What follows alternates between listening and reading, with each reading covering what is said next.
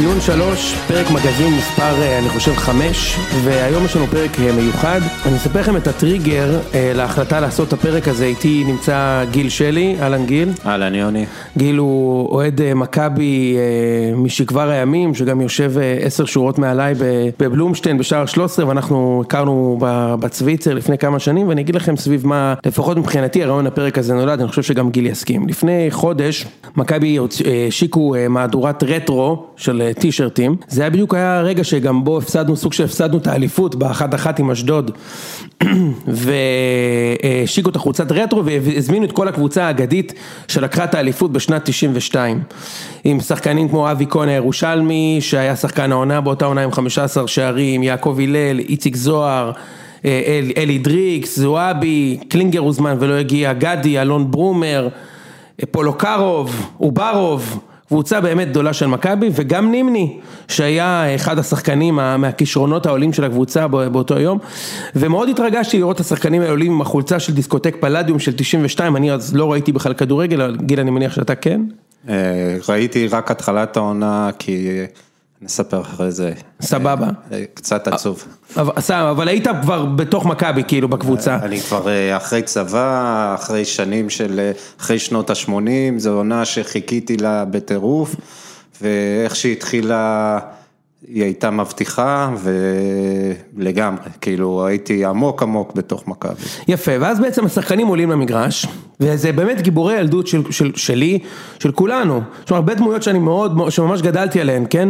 בראש ובראשונה במקרה שלי זה היה איציק, שהוא היה ממש אליל ילדות שלי, אמ, ו... ודריקס כמובן, וגדי ואלון, ונועם שוהם, והם כולם עולים ומקבלים את הכבוד מ... הרבה מאוד אוהדים היו עשרת אלפים, זה היה עוד לפני שפתחו את כל הפקק, או שכבר היה אצלנו מלא. לא, פתחו כבר הכל, זה לפני המשחק מול חיפה. ו... ובסופו של דבר זה הפך להיות טקס פולחן לאיש אחד. ואף שחקן לא קיבל שיר שחקן או עידוד או משהו כזה, הם פשוט עלו כולם. דרך אגב לא קיבלו שיר עידוד, כי לא היה באותה תקופה שירי עידוד לשחקנים. כן, אבל היה, אתה יודע, אפשר לעשות איציק זוהר, אתה יודע, כן. משהו כזה. כולם עולים, וזה הפך להיות במקום טקס של עשר דקות שמצדיעים לקבוצה שהחזירה תואר אליפות אחרי 13 שנה, וקבוצה היסטורית של המועדון, זה הפך להיות שמונת אלפים איש ששרים רק את השיר של נימני בקול גדול, ונימני נהנה מכל רגע, בלי, והשחקנים עולים כאילו חפויי ראש למחוא כפיים, כאילו בלי בכלל, אתה יודע, בלי, אין, לא עבר להם בכלל בראש. היה שם קטע יותר גרוע, שהם קראו לנימני לשער 11, נכון. היחיד שקראו לו לשער 11. בדיוק. נימני בהתחלה עשה הצגה של אה, לא נעים לי, חבר'ה לא נעים לי, ואז כמובן הוא הלך לשער 11 כשכל שאר השחקנים ממשיכים בדרכם. כן. וזה היה הרגע זה, ששבר זה, אותי זה, בטקס הזה. זה קרה אותי, אני אומר, תשמע, זה באמת לא יאמן. תגידו, אתם, אתם אמיתיים אנשים, האליפות של 92 היא לא האליפות של נימני. כאילו, א', בכל מקרה אין אליפות של שחקן, אולי חוץ מאיזה אליפות או שתיים של זהבי, אוקיי, שהיה במכבי. איך אתם לקחתם את המועדון הזה, את הקבוצה הזו, ולמרות כל מה שאתם יודעים בעשור שחלף השנה, מאז שנימני הלך, אתם עדיין עושים את זה. אז אותי זה חירפן, שלחתי לגיל הודעה באותה שנייה, אמרתי לו, גיל, תקשיב, באמת, בא לי להקיא, וגיל הסכים איתי, אמרתי לו, בוא נקליט פרק, ובוא נדבר על מה זה להיות אוהד מכבי שאתם לא מכירים, כי בתקשורת של המיינסטרים, כל מה שאומרים, כשאומרים אבי נימני, יש מקף, הסמל הבלתי מעורר והשחקן הגדול ביותר של מכבי תל אביב, והאהוב הקהל. אז בואו אני אגיד לכם משהו. זה לא נכון, לפחות לא בכל המקרים, ואנחנו כאן כדי לספר לכם מקרה קצה של מה זה להיות אוהד מכבי ב-20 שנה של נימני. נכון גיל, זה, זה הדיבור של הפרק. לגמרי. יפה. אז בוא, בוא נתחיל אה, עם קצת נתונים, אוקיי? קצת, אה, קצת נתונים לגבי הזמן של אבי נימני במכבי, או השנים של מכבי תל אביב, תחת הרג'ים של, אה, של נימני. בוא נפתח פה רגע את הקובצאז', רגע. יפה. כן. אמ, בוא נתחיל תארים, אני רוצה רגע למצוא את זה. כן, כן, אוקיי. קודם כל, נימני בסופו של דבר, אתה צריך לזכור ש... אחד הדברים המדהימים, גיל, זה כשאתה נחשב סמל במכבי תל אביב, זה בדרך כלל אומר עליך משהו, אתה יודע, לפי האתוס, אתה יודע, זה אומר שאתה סמל לווינריות, לחיבור לקבוצה, למועדון, להצלחה, לפרפקציוניזם, נכון?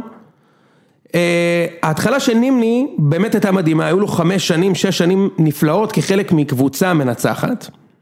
הוא היה מהכוכבים הנוצצים שצצו ליד חבורה של יותר, נקרא לזה, חוטבי עצים, נגרים כאלה, אוקיי? והם היו...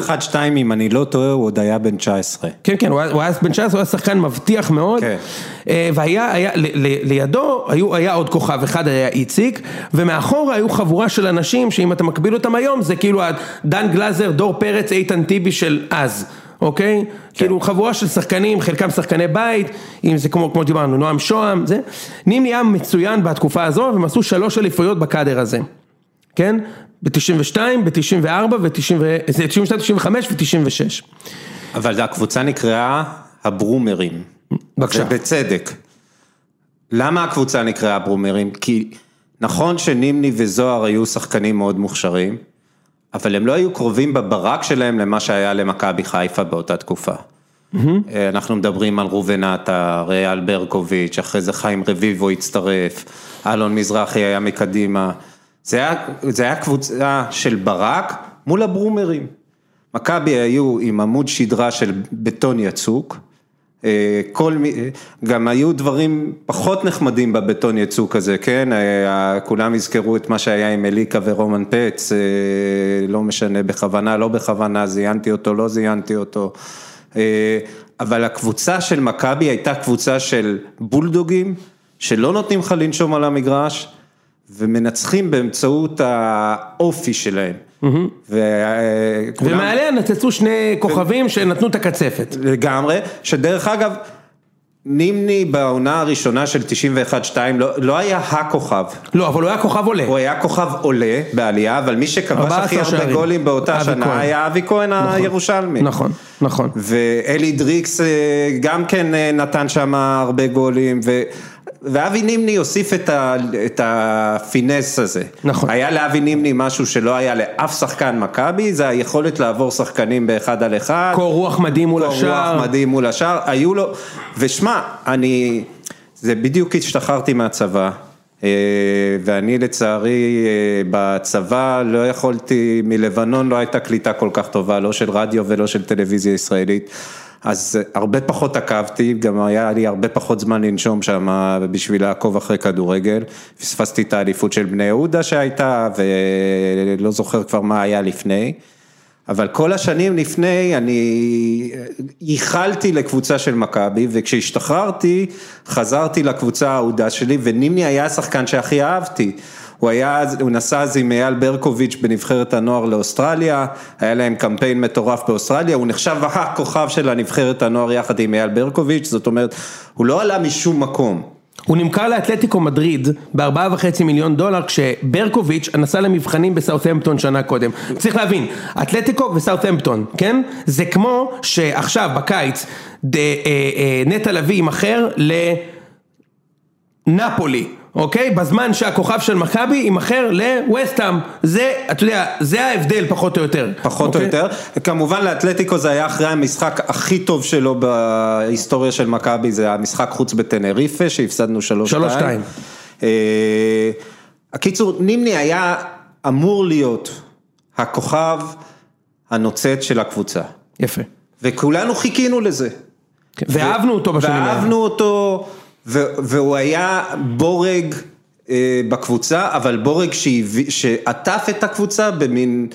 הילה כזאת שלא, היה, שלא הייתה לאף שחקן אחר, בהקשר... חוץ מאיציק זוהר, שגם הוא נחשב לכישרון עולה, הוא גדל במכבי יפו ולא במכבי תל אביב, נכון. אה, אבל גם איציק זוהר נחשב לכישרון עולה, והם היו השניים ששמו את הקצפת על העוגה, בדיוק, לא אני אומר, לכן אני אומר, אני חושב שההגדרה שלך הם עטפו את הקבוצה, זה לא, אני לא חושב, אני חושב שהם קישטו את הקבוצה, קישטו. והקבוצה עטפה אותם. נכון. ואז משהו קרה, בקיץ, אה, אתה יודע, של 96, אה, אחד משני הכוכבים האלה, החליט שהוא לא רוצה יותר לשחק במכבי, יחד עם המאמן שאימן אותו באותה שנה במכבי קשטן, והם שניהם הלכו לביתר.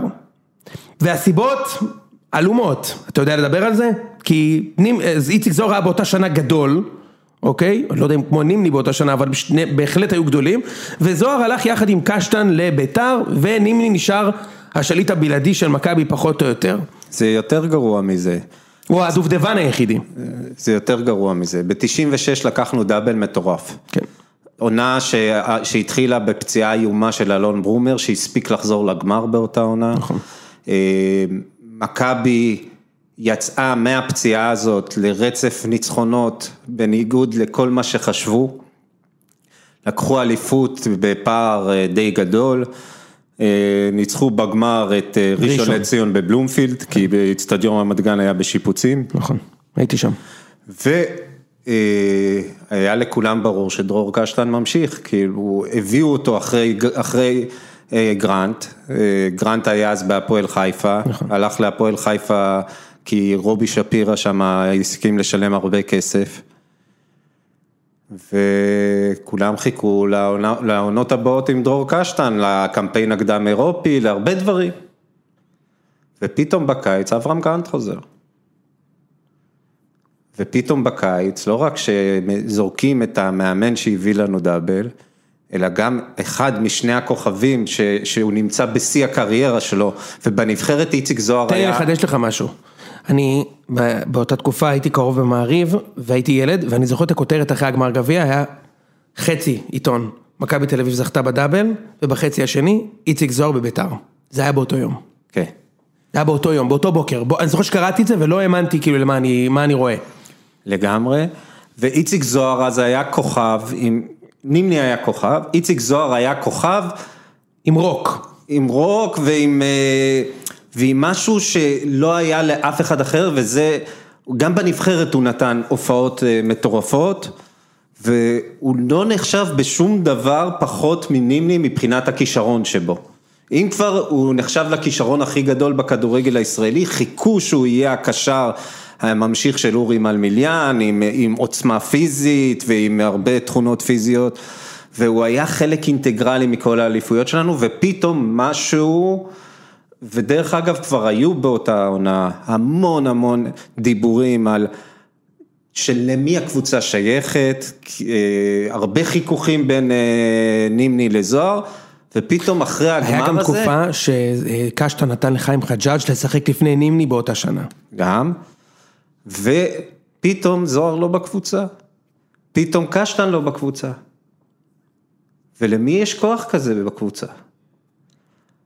ו, וזאת, וזה, זאת עונת ההידרדרות מהקבוצה הכי גדולה שהייתה לצהובים, אה, מאז שנות, אה, סוף שנות ה-70, ודרך אגב בשנות ה-70 מכבי לא הייתה קבוצה גדולה, היה לה שנתיים גדולות, כן. אבל היא לא הייתה קבוצה גדולה בשנות ה-70, היא כמעט ירדה ליגה ב-76. יפה. ב-75, 76-7 הם לקחו כבר אליפות, אבל יפה. 75-6 כמעט ירדו ליגה, והכל הלך לאיבוד. אז, אז, אז, ואז מה זה הלך לאיבוד? בוא נדבר על זה.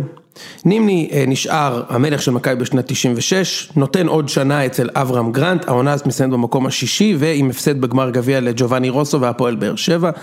בשביל מכבי לסיים מקום שישי באותה עונה, זה כישלון מטורף ובל יתואר, כי ארבע שנים קודם לקחנו שלוש אליפויות ומקום שני. ושני גביעים. אתם צריכים להבין את גובה ההתרסקות. שנה לאחר מכן זה רק העמיק. מכבי התחילה את העונה עם שבעה משחקים ותיקו אחד. היינו מתחת לקו האדום, הפסדנו להפועל אשקלון. גם ונימני ב center, front and center של הדבר הזה.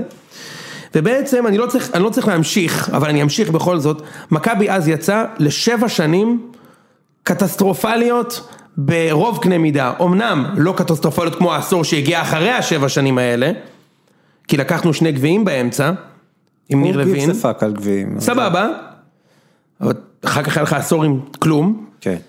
אה, שבע שנים איומות, כשבשבע השנים האלה, אתה יכול לציין איזשהו שחקן בית, אתה אתה יכול לציין משהו שאתה זוכר מהתקופה הזו? אני זוכר כל מיני כאלה שהיו אמורים להיות. תודה.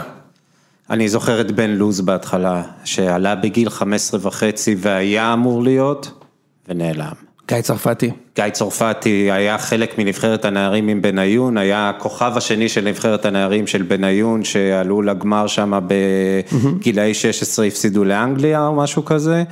אה, גיא צרפתי, שהוא אח של ג'קי צרפתי, שגם הוא היה אמור להתפתח. גיא צרפתי היה אמור להיות אה, משהו באמת מיוחד, משהו באמת זוכר. מיוחד, כן, לא קרה כלום. לא קרה כלום.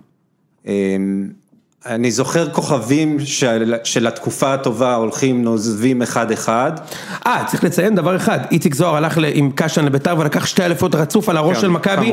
כשלדעתי הוא זה גם לא על הראש דפק, של מכבי כי לא היינו בתמונה. לא היינו בתמונה, אבל הוא דפק גולים על הראש של מכבי, פעם כן. אחרי פעם אחרי פעם אחרי פעם, לגמרי. ואני, אתה יודע, זה הרגע הראשון של השברון לב שלי כאוהד, כי אני גדלתי לתוך שנתיים שאנחנו לוקחים אליפות, ואז השחקן שאני הכי אוהב, דופק לנו גולים בפרצוף, ואני לא מבין איך, למה, כאילו מה, ב, מה, איך זה יכול להיות שהוא לא אצלי? לא, לא הבנתי את זה. אי כאילו אני עם אי אפשר היה לא. לא, לא יכולתי להבין שהוא לא אצלי, והיה היה משחק מאוד מפורסם בין נימני לזוהר, שנגמר 3-3, אם אתה זוכר ברמת גן, שכל אחד מהם נתן צמד, נגמר 3-3, וראו את השמחה של איציק, שהוא שם את הגולים שם, אתה יודע, בסוף ביתר הם היו קבוצה מדהימה והם פתחו מאיתנו פער גדול, בשבע השנים האלה בעצם היו המון שחקנים שהם up and coming, כלומר הם שרידי הדור של דני לאופר שגדל, דיברת על בן לוז, אחד מהם גיא צרפתי, יש עוד, אוקיי? יש עוד, אף אחד מהם לא יצא ממנו שום דבר, אה, ואז ב-2000, שנת 2000, אה, אה, קורה משהו גדול במכבי, 2000, כן, 2000, בספטמבר, לפני כן אה, לוני מחליט להחתים את שלמה שרף. כולם מכירים את פרשת שלמה שרף, אנחנו לא נלאה אתכם בסיפור של הפרשה הזו, אבל זה רק, אתה יודע, זה, זה כל כך אה, אה, אה, אמת ידועה שאני לא חושב שאתה ואני צריכים לחפור על זה, רק נזכיר את הפרטים. שלמה שרף הגיע מנבחרת ישראל, האוהדים של מכבי מאוד רצו אז את שרף, למרות מה שאומרים עליו היום, אז מאוד רצו את שלמה שרף. הקבוצה התחילה עם ארבע נקודות, שלמה שרף דיבר בצורה לא יפה לשחקנים שלו ברון אחרי המשחק, בצורה שמתאימה לשלמה שרף.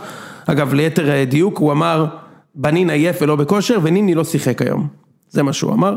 נימני עלה למחרת כאילו מישהו הכניס לו מילים בפה והוא אמר מאמן יכול להגיד הכל אבל לא הכל בטח לא בצורה כל כך ברברית ופרימיטיבית סוף הסכסוך היה ששלמה שרף מצא את דרכו בחוץ ונימני מצא את עצמו המלך של מכבי מונף על הכתפיים.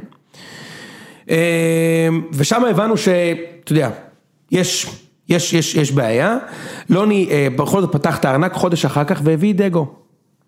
ברוך דגו הגיע מאשדוד, ילד בן 19, אה, שהגיע כדי לחזק את הקבוצה, זה היה באותה עונה, אתה מאמין? זה היה בעונה של שרף. ואני אשמח לשמוע מה אתה חושב על התקופה של דגו במכבי, כי מי שמאזין לפוד שלנו יודע מה אני חושב על דגו באופן כללי וספציפית התקופה שלו במכבי, אבל מעניין אותי גם איך אתה, איך אתה רואה את זה, ולמה אנחנו מדברים על זה בהקשר של, של נימני בכלל. אוקיי, אז אני אגיד משהו לגבי עונת האליפות של מכבי, ש- שמבחינתי, של 2003? של 2003, שמבחינתי היא האליפות של דגו. ולא האליפות- משמעית, ולא האליפות. של נימני. של קלינגר. כי, כי מכבי התחילו עונה בצורה לא טובה, עד שקלינגר החליט שהוא מוציא את נימני מההרכב, והוא נותן את הקבוצה בידיים של דגו. כן, בוא שווה למי שלא זוכר, להזכיר, מכבי התחילה את העונה בצורה לא טובה, מכבי חיפה היו בצ'מפיונס ליג באותה שנה, הפסדנו למכבי חיפה בבית, חיפה היו בפער של תשע נקודות על מכבי בדצמבר, אוקיי? עכשיו מכבי כבר שבע שנים בלי אליפות, צריך לומר, אנחנו לא פונקציה באמת, אבל רוצים להיות. ונימי הוא הסמל והכוכב של הקבוצה יחד עם בנין, ואז דגו מחליט, אה, אה, קלינגר מחליט לעשות מעשה ערב משחק בקריית אליעזר, הוא שם את נימני על הספסל, כולם זוכרים את נימני עם הכובע גרב, יושב ומדוכא, בזמן שדגו מוביל את מכבי לניצחון הירואי על קבוצה מדהימה של חיפה, אז עוד עם יעקובו, הוא לא נמכר עוד, יעקובו, רוסו, ז'וטאוטה, אספרליה, אני לא יודע איך, ניצחנו אותם 3-2 במשחק גדול, דגו עם שער ובישול. כן. תמשיך. וזאת הייתה עונה מטורפת של דגו מהרגע שהוא קיבל את הקבוצה לידיים. כמו שאמרת, סגרו פער של תשע נקודות, זה דגו סגר את הפער הזה, ממש כמעט לבד. ומה שקורה תוך כדי שיש לו את העונה הזאת, זה שיש אוהדי מכבי שלא מפסיקים להציק לו בכל דרך אפשרית. במהלך, ו, ועוד פעם, זה אוהדים של מכבי, ששבעים אכזבות. שפתאום יש כוכב חדש לקבוצה. ודגו היה כישרון מטורף, זאת אומרת שהביאו אותו מאשדוד, הוא היה נחשב לכישרון ברמות שלא נראו פה מבחינת כושר גופני גם, לא רק מבחינת איכויות משחק, נכון, נכון. אחד על אחד. קרוס, נכון. ו- וכל מה שאתם רוצים היה בעונה הזאת, והוא הציג לראווה את הדברים האלה. והאוהדים של מכבי שאמורים לשמוח שאנחנו חוזרים להיות קבוצה אחרי שבע שנים של חוסר רלוונטיות מוחלטת. זה לא, זה היה להם חמוץ שזה לא היה נימני שמוביל את הקבוצה לאליפות באותה עונה. נגיד את זה ככה. בעדינות. בעדינות, נגיד את זה ככה. אה, עכשיו אתם צריכים להבין, אתם צריכים להבין, כי לא כולם פה אוהדי מכבי. בשבילנו, לראות שחקן בן 21, 21, לא שחקן בית של הקבוצה, מוביל את מכבי למרוץ לאליפות נגד מה שהיו אז מכבי חיפה, להזכירכם. הם לקחו שתי אליפויות רצוף, והיו בצ'מפיונס באותה, הם היו קבוצה הרבה יותר מוכשרת ממכבי באותה עונה. זה היה בשבילי, אני הייתי בכיתה י', זה היה אלוהי, ואני הערצתי את ברוך, עד היום אגב, אני חושב שזה באמת סיפור שאנחנו כ- כחברה ישראלית צריכים להתבייש בה, אוקיי? כאילו באמת, אני, אני אגב חושב באמת שאם הבן אדם הזה לא ממוצא אתיופי הוא מגיע הרבה יותר רחוק ואני לא רוצה אפילו להתחיל להסביר למה אני חושב את זה, אבל אני חושב שהוא היה, בוא נגיד ככה, מאוד underrated, אוקיי? גם בהערכה שהוא קיבל בזמן המשחק, צריך לזכור שהבחור הזה, אחרי שני גורש של מכבי, דפק ארבעה גולים בצ'מפיונס ליג. הוא דפק ארבעה גולים בבתים של הצ'מפיונס ליג, מי עוד יכול להתהדר בנתונים האלה? זהבי ומנור סולומון. יותר מזה? יותר מזה אני אגיד. אחר כך הוא הלך בהפועל ולקח גביעים בהפועל. בבקשה. אני לא בטוח שבלי הלחץ הזה של האוהדים הוא שובר את הרגל באותה עונה. יש קשר מאוד מאוד גדול בין פציעות ומצב מנטלי, ולא היה שחקן בארץ, שנאל... או בעולם, שנאלץ לסבול מהאוהדים של הקבוצה שלו, בזמן שהוא מוביל את הקבוצה שלו לאליפות, שסבל מלחץ כזה של אוהדים עליו. לא היה אני לא תשלב, מכיר... תשלב את הלחץ הזה גם עם גזענות, זה לא רק. לחץ, זה לא רק, זה לא שקראו לו שהוא היה בשם אחר, אוקיי, והוא היה ממוצא אחר או אה, מעדה אחרת, והוא סבל מקללות, זה כל זה יחד עם העובדה ש... שהוא בן מיעוטים, ואתה יודע, ואני באמת חושב שאנשים היה, אנשים לא יכלו לתפוס את זה בכלל, שזה לא הנסיך שלהם, שהם כל כך רגילים אליו. ואני הייתי ביציע, אני, אני ראיתי את זה. אני ראיתי את הקללות. אני, אני אומר לכם, אני, אני שמעתי את זה. אני יודע מה מדובר, בעונה שאנחנו לוקחים אליפות. נורא. פשוט נורא. עכשיו, אתה, השאלה אם יש, אם אנחנו רוצים לחבר. אני אגיד רק דבר אחד. לנימני הייתה אז השפעה על אוהדים, שהם, כל מה שהוא היה רוצה להשיג מהם, הוא היה משיג מהם בהנפת, ב- באצבע צרידה. והוא לא עשה כלום כדי לעצור את זה. נגיד את המינימום. הוא לא עשה כלום כדי לעצור את מה שעשו לדגו, ולא עשו את זה לדגו רק במשחקים, חיכו לו לפני אימונים, חיכו לו אחרי אימונים. האיש היה תחת מתקפה בלתי פוסקת, והאדם שכאילו הסמל של מכבי אומרים, נכון? אמור להתלהב מזה שסוף סוף יש עוד מישהו שישחק איתו. ש- מישהו שעוזר לקבוצה להגיע להישגים, לא עושה כלום כדי להפסיק את זה. ואם הוא היה רוצה להפסיק את זה, זה היה נפסק באותה שנייה, כי, מי, כי לא היה בהיסטוריה של שום מועדון, אולי מת'יו לטיסיה בסאות'מפטון, אולי, אבל גם לא, לא היה בהיסטוריה של שום מועדון, שחקן שכל מה שהוא עשה, היה לקנות לעצמו אוהדים לא אישית. וכן, היו דברים, הוא הלך לבר מצוות, והוא הלך ל... לאוהדים אה, מאושפזים, והוא עשה המון דברים חיוביים לכאורה, אבל הוא לא ניצל את הכוח הזה לדברים חיוביים. כן, אני חושב שנימני היה אדם אה, קר רוח, כשהסביבה שהקיפה אותו הייתה כזו, וזה מה שצריך לה, להבין פה. כשהיה מסביבו את שוהם, קלינגר, דריקס, גרנט, קשטן, אוברוב, והוא היה דובדבן, הוא היה מדהים. כשנעלמה הסביבה הזו, חלק מהם, אתה יודע, אולי הוא אחראי ישירות, חלק עקיף, אגב, יכול להיות שאיציק זוהר בעצמו, יכול להיות שנימני לא גירש את איציק, איציק אמר, אני לא רוצה את זה.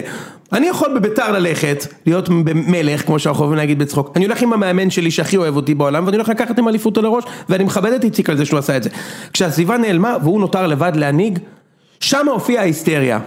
שם הופיעה ההיסטריה, שם ראינו את מה שאתה אומר, שכשגדל בן לוז, בן לוז יהפוך להיות שחקן תותח בהפועל תל אביב, אצלנו הוא לא יהיה.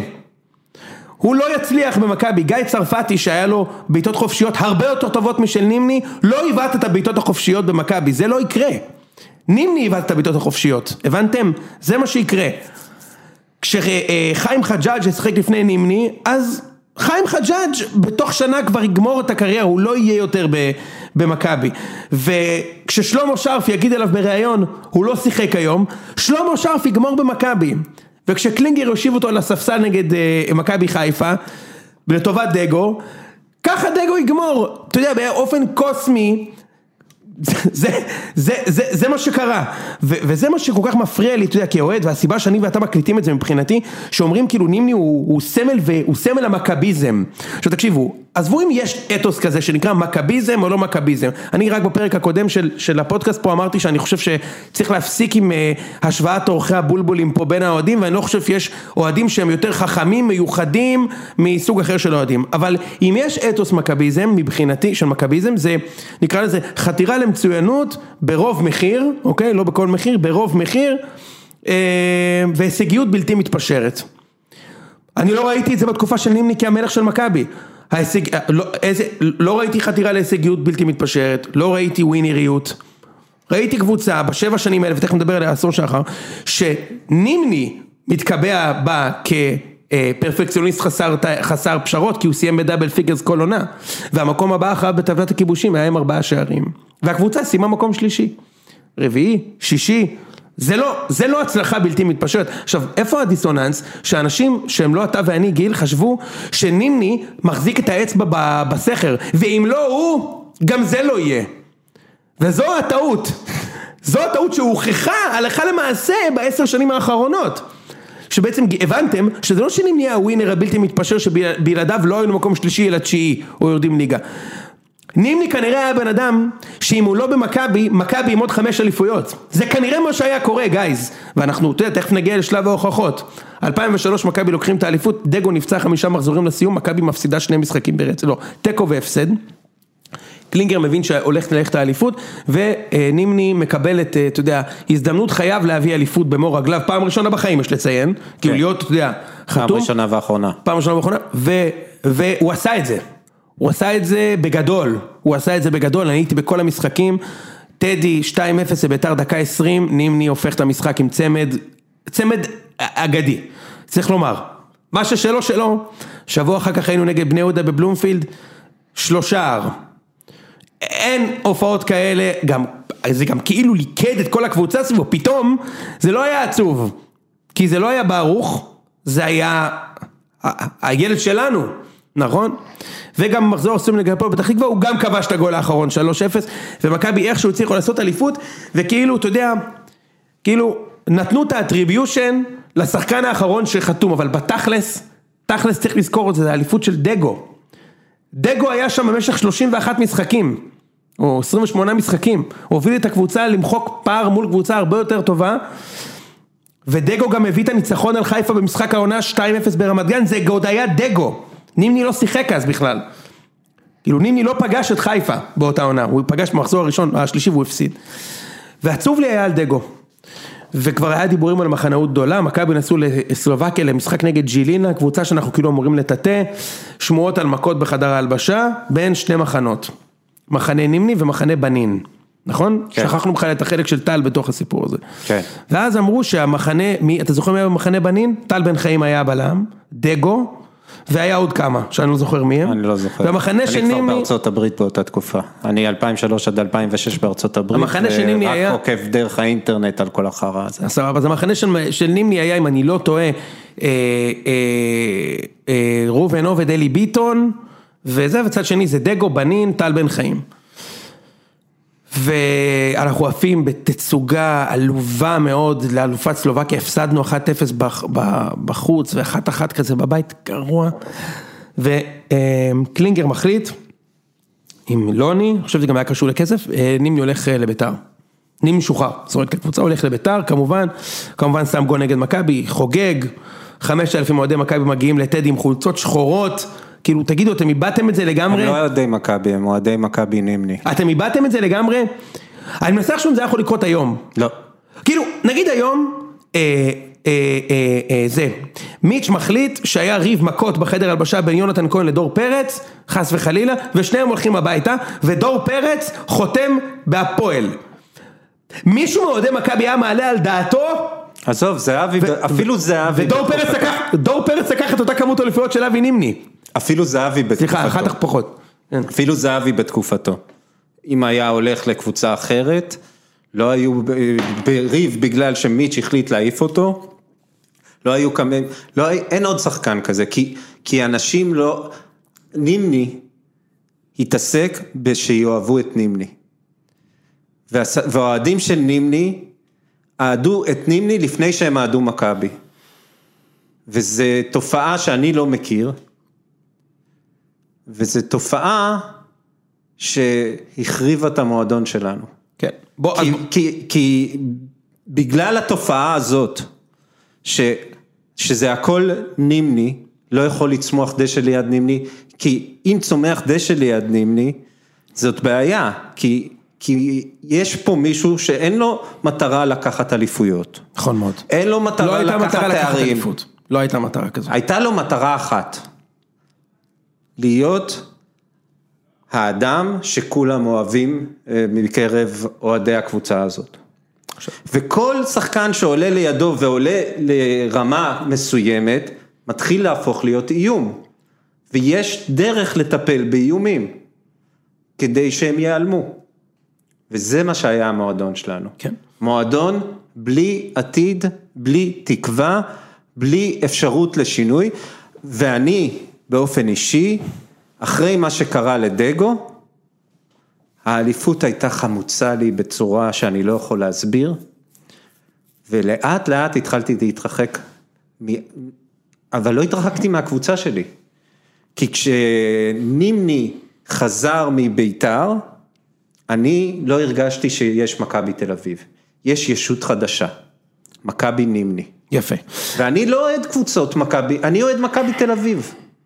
אני לא אוהדתי, ואני לא אוהד בעולם לעולם, מכבי, לא משנה איזה שחקן תיתן לי, אפילו שחקן אהוב כמו שרן ייני. אבל שחקן אהוב כמו שרן ייני בחיים, בחיים לא יתעסק עם האוהדים כדי שיאהבו אותו. הוא התעסק אך ורק בלהביא הישגים, דרך אגב גם זהבי.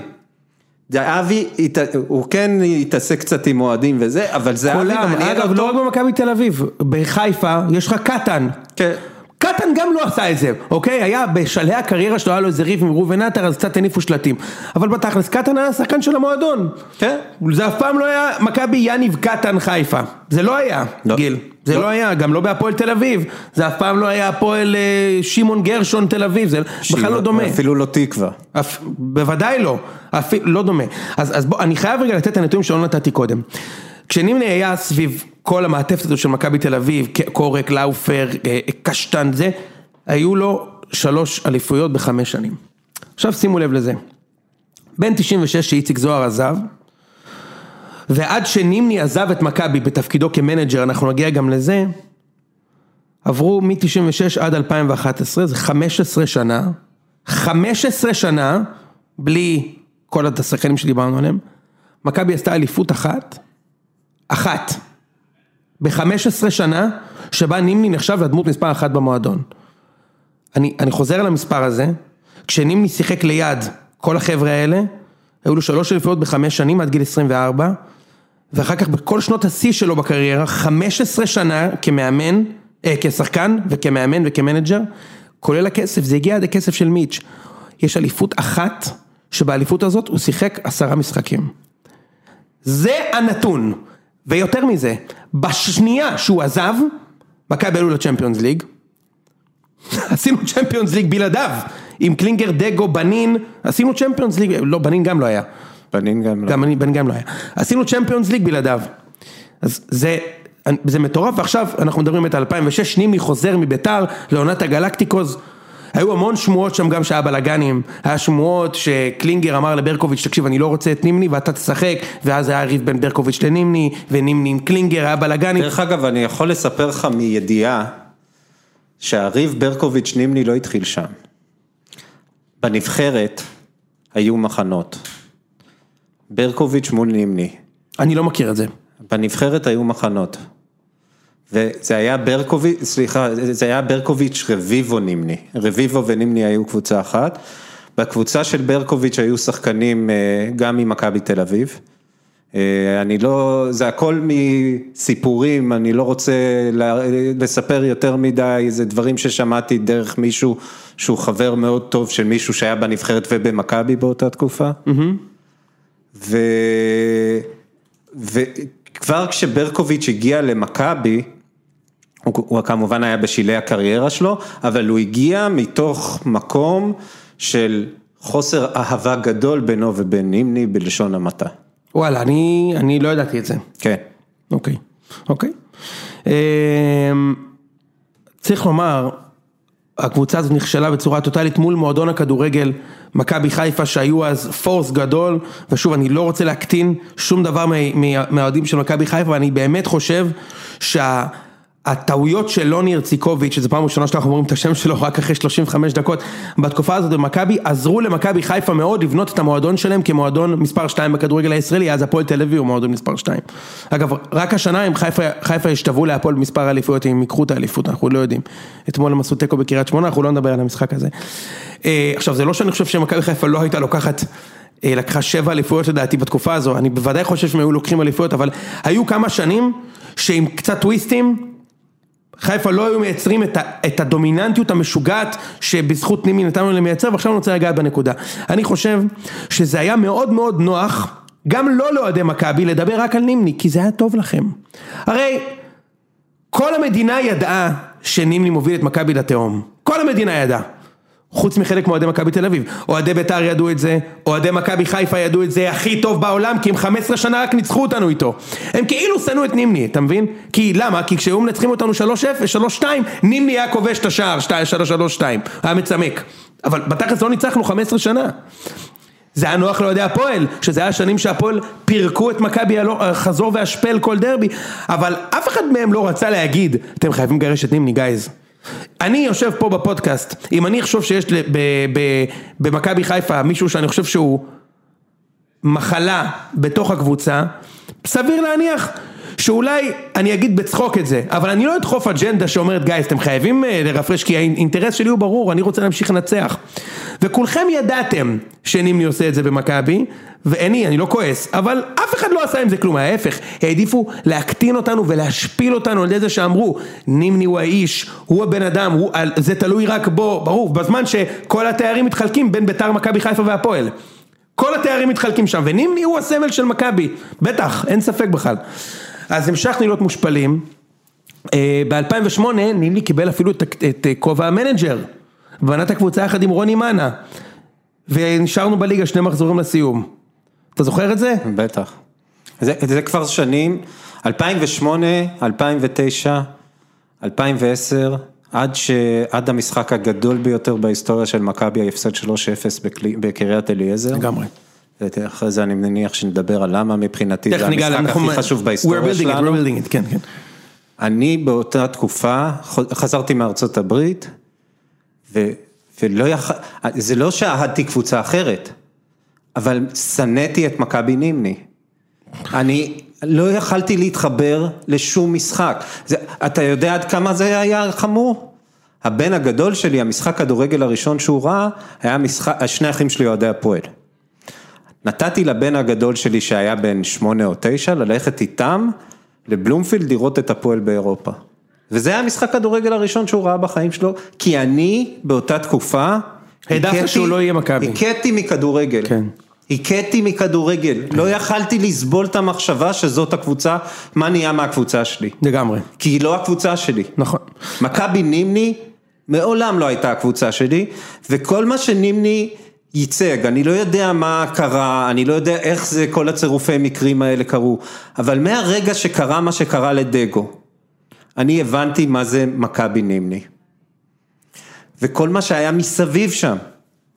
וכל האינטריגות. והחולצות השחורות. וכל הפוליטיקה. שכחנו את זה, איזה שנתיים אנשים באו עם חולצות שחורות למשחק כדורגל. ו- איפה ואנשים- נשמע דבר כזה? ואנשים מעודדים רק את נימני. רק את נימני. אני... איך אתה יכול לרצות, תקשיב אני אומר לך, אני ראיתי את השחקנים של 92, תחשוב כמה כבוד מגיע לאבי כהן, לדריקס, לקלינגר שהוא לא הגיע, לשוהם, מה אתם נורמלים? איך אתם שרים רק לנימני? עזוב שהבן אדם החתום במו ידיו על החורבן שלך, 17 שנה לא ישנת בלילה בגללו, 17 שנה לא ישנת בלילה בגללו, בזמן שבמכבי חיפה בנו בסיס אוהדים של 300 אלף אנשים שנולדו אוהדי מכבי חיפה בשנים האלה, לא נולדו אוהדי מכבי תל אביב. גיל, בין שנת 95 ל-2010 לא נולדו אוהדי מכבי תל אביב, זה לא יכול להיות אוהדי מכבי, לא יכולת להיות, אלא אם אבא שלך אוהד ולקח אותך, אתה בבית ספר בחרת מכבי חיפה. או הפועל תל אביב. או הפועל תל אביב. איך אתה יכול לשיר ככה? אתה רוצה לכבד אותו כשחקן עבר? בסדר, אני נמנע מזה בכל הון, אבל איך אפשר? שנייה, 2008 נימי היה המאמן המנהל המקצועי, ואז בעצם יש פה את אחד הסיפורים, יש פה כמה שנים, שהם באמת מהמדהימים בתולדות הספורט המקומי לפחות. הוא כזה לא בגלל ההשלכות שלו שהם חרגו מכל תופעה ספורטיבית, אלא בגלל המופרכות המקצועית שהייתה שם. משנת 2008, שזה תקופת סוף לוני רוני מאנה, ועד ינואר 2011, שזה כבר שנה שנייה של מיץ', אתם רואים את מכבי היום, מה זה מכבי של מיץ'. זו פה ה-20 אחוז, 20 אחוז מהתקופה של מיץ' הוא עשה עם נימני, בבקשה. הופקד כל המועדון בשלוש וחצי שנים האלה לטובת הסטאז' של נימני. זאת אומרת, רשמית נימני יותר גדול מהמועדון, ולכן מועדון מכבי תל אביב, מועדון עם הכי הרבה תוארים במדינה, גביעים, אליפויות, נמצא אצלו, והוא עושה עכשיו סטאז' במטרה שבסוף יצא איש מקצוע טוב. נתנו לו להיות מנג'ר, אז אתה יודע, החטא הקדמון, הראשון, בחירה בין יובל אבידור לאיתי שכטר, כמובן שהוא בוחר באבידור ושכטר הולך להביא דאבל בהפועל עם 22 שערים, אתה יודע, כבר שם... דרך נתניה. נכון. דרך נתניה. לא. שכטר, שכטר היה בנתניה ואז הגיע להפועל. אנחנו נכון. הפסדנו את שכטר לנתניה. אה, לנתניה, שיהיה- לא להפועל? לנתניה. היינו כלום, היינו עד כדי כך כלום ושום דבר, שהפסדנו את שכטר לנתניה. אני חשבתי שהוא, שכאילו יכול להביא לא, אותו הוא הגיע מנתניה. מנתניה להפועל. זה אני זוכר, אבל אני חשבתי שמכבי אז בחרו... לא, לא, לא. סבבה. כשאנחנו היינו צריכים לקחת את שכטר, הוא העדיף את נתניה גם. רק שתבין, כי אנשים ידעו מה זו המועדון. יפה. ואז היו לנו כמה שנים כאלה איומות שבאמת לא הפסדנו ולא ניצחנו וכמובן ארבע שנים בלי ניצחון בדרבי וארבע שנים ושלוש שנים עם ניצחון אחד על מכבי חיפה בתקופה של נימני עם שלטים מעל שער 11 שכתוב עליהם חשבתם שנגמרו לכם הסרטים תראו מי עומד על, על הקווים. אנשים, הנה מה שאתם לא, שאתם לא מבינים, אוהדי הפועל ישבו בשער חמש, ואוהדי מכבי חיפה ישבו וראו את השלטים האלה, והם לא, לא רואה נעים להגיד לכם שהסרטים זה סרטי פורנו. הם נהנו מכל שנייה! אתם לא מבינים את זה! הם ראו את השלט הזה שכתוב, חשבנו שנגמרו הסרטים, איזה סרטים? אנחנו רק מנצחים אתכם איתו, כל החיים מנצחים אתכם פעם אחרי פעם, ועכשיו הוא גם המאמן, מה טוב! ואז מיץ' הגיע, יחד עם אביב בושינסקי, והם עשו את המוב של המובס. ואמרו, תקשיבו, מהדבר הזה אי אפשר להיפטר, כי אם אנחנו ניפרד ממנו עכשיו ונביא איש מקצוע, רחמנא ליצלן, הלך עלינו, נכון? אז בואו נשרוף כסף, וניתן לבן אדם הזה, במו רגליו או ידיו, ל- לכרות לעצמו את הבור, בתוכו הוא ייקבר. ובשנה השנייה של מיץ' גולדהר, עם נימני כמנג'ר, מיץ' פתח את הארנק כמו שהוא לא פתח מאז לעולם. נימני קיבל כר פורה גיל להביא כל שחקן שנפשו חפצה בו. עכשיו שימו לב מה נימני עשה באותו קיץ כמנג'ר, עם תקציב בלתי מוגבל. אתם אוהבים לצחוק על הכסף של מכבי היום? מכבי לא שילמו על העברה של השחקן שלוש וחצי שנים. אוקיי? כמובן יש הרבה כסף במועדון, אבל היום מכבי משחקת עם בין ארבעה לשבעה, שמונה שחקני בית בהרכב, לא רכשנו שחקנים בכסף המון זמן, בגלל הפייר פליי אגב, שנימני לא אשם בפייר פליי, או, אה, אלא, ג'ורדי, אבל אה, בוא נרגע, היום זה כבר לא הסכום שנזרקים, אבל אז מיץ' אמר כן. ונימני בנה, זה לא היה הגלקטיקוס של נימני זוהר ושל נימני ברקוביץ' וזה, הרכב נבחרת ישראל מחוזק בזרים, מכל הבא ליד, שימו לב, ניבלדו מוויאדוליד בליגה הספרדית ראשונה, מדוניאנין מוויאדוליד ליגה ספרדית ראשונה, יואב זיו מביתר שלקח אליפות, קלמי סבן ממכבי חיפה, אה, מי היה בלם ליד ניבלדו? אבי סטרול שהיה. במכבי נתניה, גדול, החזירו אותו הביתה, בקישור, אלברמן מהבונדסליגה, כן? שרן ייני, שיחק, בוזגלו, ברק יצחקי וקולאוטי ואלירן עטר. כולם, חוץ מבוזגלו, נקנו באותו קיץ. אתה קולט כמה כסף שפכו שם בקבוצה הזאת? כמה כסף? ומי המאמן? יוסי מזרחי. לא, קודם רן בן שמעון. לא, לא, לא, לא, זה שנה קודם. אתה צודק, אני צריך לדבר על רן, זה שנה קודם. רן בן שמעון לא אימן את הקבוצה, רן בן שמעון אימן עם, עם ישראלביץ', ואתה צודק, פספסתי את השנה הזו שבה נימני בנה קבוצה לרן בן שמעון, עם כל מיני דולי ג'ונסונים כאלה, כן. ורן בן שמעון נכשל, הלך הביתה מחזור שמיני, נימני הוצע תפקיד המאמן, ואז חודש אחרי זה רן בן שמעון בא עם קריית שמונה, והשפיל את נימני וניצח אותנו, בבית שלנו. כן. ואז זה היה רגע מרגש שהאוהדים שרו אבי נימני הביתה וזה היה באמת מהרגעים המרגשים של העשור. קיצור, סליחה, אתה פספסתי את זה. מכבי, אז יוסי מזרחי מאמן, נימני בתפקיד המנג'ר, אבל יושב על הקווים. למה? כדי שאם חס וחלילה תהיה אליפות, זה יהיה חתום על מי? כן. עליו! ברור. שיוסי מזרחי יעמוד בפרונט? מה פתאום? למה כשג'ורדי היה מנג'ר הוא ישב על הקווים? כש whatever היה מנג'ר אה, אה, ברקוביץ' הוא ישב על הקווים בהפועל תל אביב? נימני יושב על הקווים. כדי שכולם ירגישו גם את האימה. גיל, כן. מתחילים את העונה, כאילו מנצחים את כל הקבוצות שברור שננצח, ואז מגיע דרבי, כמו שעון, דקה שלישית 1-0 להפועל, אה, גם רנגלוב היה, גם עוד שחקן יקר, אתה זוכר אותו? ואז הגיע יום ה... יום הליבריישן, יום האמנסיפציה.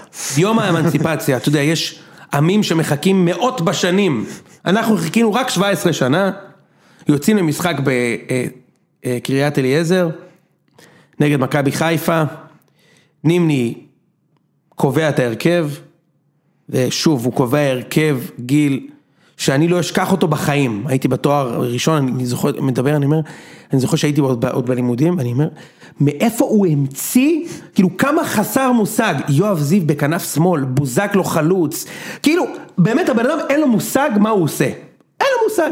ולשמחתנו הגדולה, מכבי חיפה פירקו אותנו במשחק הזה. זה היה 3-0 שהיה יותר משפיל מ-10-0. פירקו אותנו, אגב, למי שאוהב את הפיקנטריה, כובשי השערים, אני זוכר, טוואטחה, תבינו, טוואטחה, גולסה, ואת השלישי, סם החלוץ, שהיה להם באותה עונה שלקחו איתו אליפות, לא זוכר מי זה היה, פנטיני, whatever, אחד מהם, אחד מהפנטינים האלה. ואנחנו, אתה יודע, מפסידים 3-0 ואומרים די, הגיעו, כלו כל הקיצין, ולמחרת, פותחים בבוקר אה, זה, ומבינים שיש בעלים, נכון? אני, בסוף ה-3-0, היה לי אז uh, טור בדה באזר, כתבתי, תודה רבה, מכבי חיפה. היה לי ברור שזה היה המשחק האחרון של עידן נימני. יש אה, אוהד חיפה שהיה מגיב קבוע בדה באזר, אה, קוראים לו עמית פרוסנר, כתב לי אין בעד מה, אני מוכן לעשות בשבילך את זה כל פעם. אם הוא רק היה יודע. ואמרתי לו, חכה, יפה, חכה, יפה, חכה. יפה. וזה היה מבחינתי המשחק הכי חשוב של מכבי אולי אי פעם. כי זה, ברור שאם זה לא היה המשחק הזה, אז היה משחק אחר שהיה מוביל לסוף הזה, אבל לא היה כמו המשחק הזה, כדי שמי שרצה להפוך את מכבי חזרה למכבי תל אביב ולמועדון שיש לו זכות קיום, זה היה המשחק שנתן את זה על מגש של כסף למיץ', והוא כבר ידע יפה מאוד מה הבעיה, כי אביב בושינסקי עשה עבודה מאוד טובה, נכון. בלזהות את מה הבעיות של אין, אין, המועדון. אין, אין ספק שזה מה שהיה שם. ומאותו רגע התחלתי לנשום כבן, כ, כאוהד מכבי. כי עד לאותו רגע, אי אפשר להסביר כמה זה היה לי קשה ש, שהקבוצה שאני אוהב לא קיימת. וזה, קרה לי במקביל לא רק לזה לא שגם... קיימת, it's, a fucking laughing stock. זה לא לא קיימת, אה, היא לא קיימת, כי. מי שלא קיימת- היא קיימת כדי להפסיד. היא, לא קיימת כי זה קיים ישות חדש... קיימת ישות חדשה מבחינתי, מכבי נימני מבחינתי זה שנים מחוקות, היא לא מכבי תל אביב, ואני לא מסוגל לאהוב את הקבוצה שלי. נכון. אז היא לא קיימת מבחינתי. נכון. ואז גם התחיל גם כל החרא של הכדורסל עם דני פדרמן, עזוב, זה בשבילי, לא מעניין אותי. בשבילי, בשבילי זה, זה, זה, זה היה שנים איומות. אבל זה- אשכרה, אני רואה, ו- ולא ראיתי כמעט משחקים, אבל את ה-3-0 הזה ראיתי. וכל גול של חיפה, אני מבסוט, כי אני מבין שזה סוף העידן של החרא. ודרך אגב, כדי להבין את מה גרם לקבוצה שלנו להיות חרא, צריך לחזור לסיפור של שרן ייני. שרן ייני מספר באחד הראיונות איתו, שבשנים לפני שג'ורדי הגיע, שכולם צריכים להבין שזה השנים שנימני הוא השליט הבלעדי, וש, ושרן, אתם יודעים או לא יודעים, דיבר על התקופה שנימני היה שחקן. שרן מספר על אה, מחנה קדם, קדם אה, עונה באירופה, והוא, אמרו לו לרוץ, אז הוא רץ. והוא קיבל איומים משחקנים בקבוצה. שהוא רץ מהר מדי. שהוא רץ מהר מדי, ואם הוא לא יפסיק ישברו לו את הרגליים. זאת הייתה מכבי תל אביב של תקופת נימני. ואני מבטיח לכם, שלא היו איומים כאלה, אם מי שהיה מלך המועדון היה דואג שלא יהיו איומים כאלה. זה כל הסיפור של מכבי. מכבי, לא רק שהיא לא הייתה מועדון מקצועני, היא הייתה מועדון שבז למקצוענות.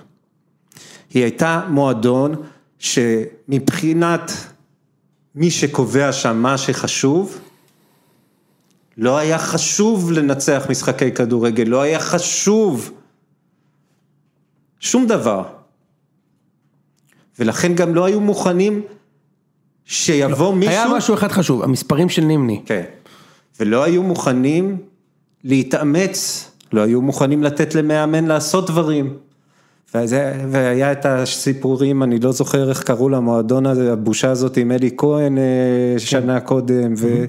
אה, לא- סנטה קולומה. סנטה קולומה. עברנו אותם בסוף, כן, אבל בסדר. כן, אבל... הפסדנו בחוץ וניצחנו בבית. והודחנו מול קבוצה מהליגה השנייה בטורקיה. בושה וחרפה, כן. זה היה מועדון מכבי תל אביב, מועדון שבז למקצוענות, מועדון שבז למי שמתאמן באימונים, מועדון שבז להישגיות. והדבר הזה גם, אני אומר לך, תקשיב, אנחנו מדינה מאוד צעירה, הדבר הזה בנה פה מפלצת מתחת לאף. זה מה שקרה באותו הזמן, זה בנה פה מפלצת מתחת לאף, ששם היה ניהול, כמו שצריך, לא היה כוכב מעל הקבוצה, והם פשוט נבנו על, ה... על השיט הזה. כי לא היה להם קונטרה. מה? אנחנו היינו, אנחנו יחד עם ביתר, ביתר לא היו אמורים להיות בעמדה של קונטרה, אבל היה להם את גיא דמק בחלק מהזמן. גם בשנים שנים ביתר עשו ארבע אליפויות, ואתה כן. עשית אחת. זה כן. הכל חביבי. אבל אנחנו היינו אמורים להיות אלה שנותנים קונטרה לחיפה, מבחינת העוצמה של מועדון, מבחינת כסף, מבחינת הרבה דברים. עד שנימני הלך, לא נתנו. עד שנימני הלך, לא רק שלא נתנו קונטרה, היינו... היינו פידר שלהם. כן. אתה רוצה לשמוע נתון מדהים? מכבי היו שמונה פעמים בשלב בתים באירופה. ישראל מקבלת הזדמנות להיות בשלבי בתים באירופה שהיא לא, נגיד, לא נחשיב את, את הצ'מפיונס ליג של פעם כי אי אפשר היה לעלות, נכון? יש גביע וופא בתים מאזור 2004, אוקיי? 2004. זה 17 שנה. נימני היה במכבי, שבע מתוך ה-17 שנים האלה. כמה פעמים מכבי היו בבתים באירופה עם נימני? עם נימני אפס. זירו. ובעשר השנים שהוא לא היה עשינו שבע, ש... שמונה פעמים בתים, יש גם צ'מפיונס ליג עם באור דגו. שמונה פעמים בתים, זאת אומרת כל שנה שנייה פחות או יותר, מכבי באירופה בבתים בלעדיו. ואיתו שבע שנים לא היית בבתים. וזה לא שלא הפלת לאירופה, היית במקום שלישי, כלום. לא עשינו איתו כלום, מאז שנימני הלך. נימני פוטר באותו זמן, פתאום, אגב, פתאום גילינו שיש לנו מחלקת נוער. פתאום דור מיכה. פתאום דבור. פתאום רועי קהת, פתאום לוגסי. פתאום זה קרה, וכמה שנים אחר כך, פתאום דור פרץ, פתאום גלאזר, פתאום יוני כהן, פתאום שחר פיבן. משום מקום, פתאום גילינו, איפה 17 שנה היה שחקן נוער אחד? מי היה? אתה יודע מי היה? מישאלוב, היחיד. מישאלוב. שעם כל הכבוד והאהבה למישאלוב, יכול להיות שמי הגדל בדור היה מצליח, אבל אתה יודע, הוא לא היה איום בשום, בשום תצורה על המלוכה. אה? כן. ומאז שנימני עזב, שש פעמים ליגה אירופית, פעם אחת בתים בצ'מפיונס, חמש אליפויות וגביע, שבע שנים בלי הפסד בדרבי, ובאופן כללי מאז שנימני עזב, שלושה הפסדים בעשור, צריך להבין, בעונת 2009-2010 מכבי הפסידה להפועל שלושה דרבים בעונה. שבע, ומאז אנחנו עם שלושה הפסדים בדרבי בעשור. עשר שנים בלי הפסד בבלומפילד לחיפה, למעשה מאז שנימני עזב מכבי לא הפסידו למכבי חיפה בבית, מאז העונה שבה הוא פוטר. תשע שנים בחוץ בלי הפסד למכבי חיפה, ב- בליגה, וכללית, ארבע פעמים הפסדנו למכבי חיפה בעשור, מאז שנימני פוטר, שוב, בשנים שנימני היה מאמן, הפסדנו למכבי חיפה שמונה פעמים בשנתיים וחצי.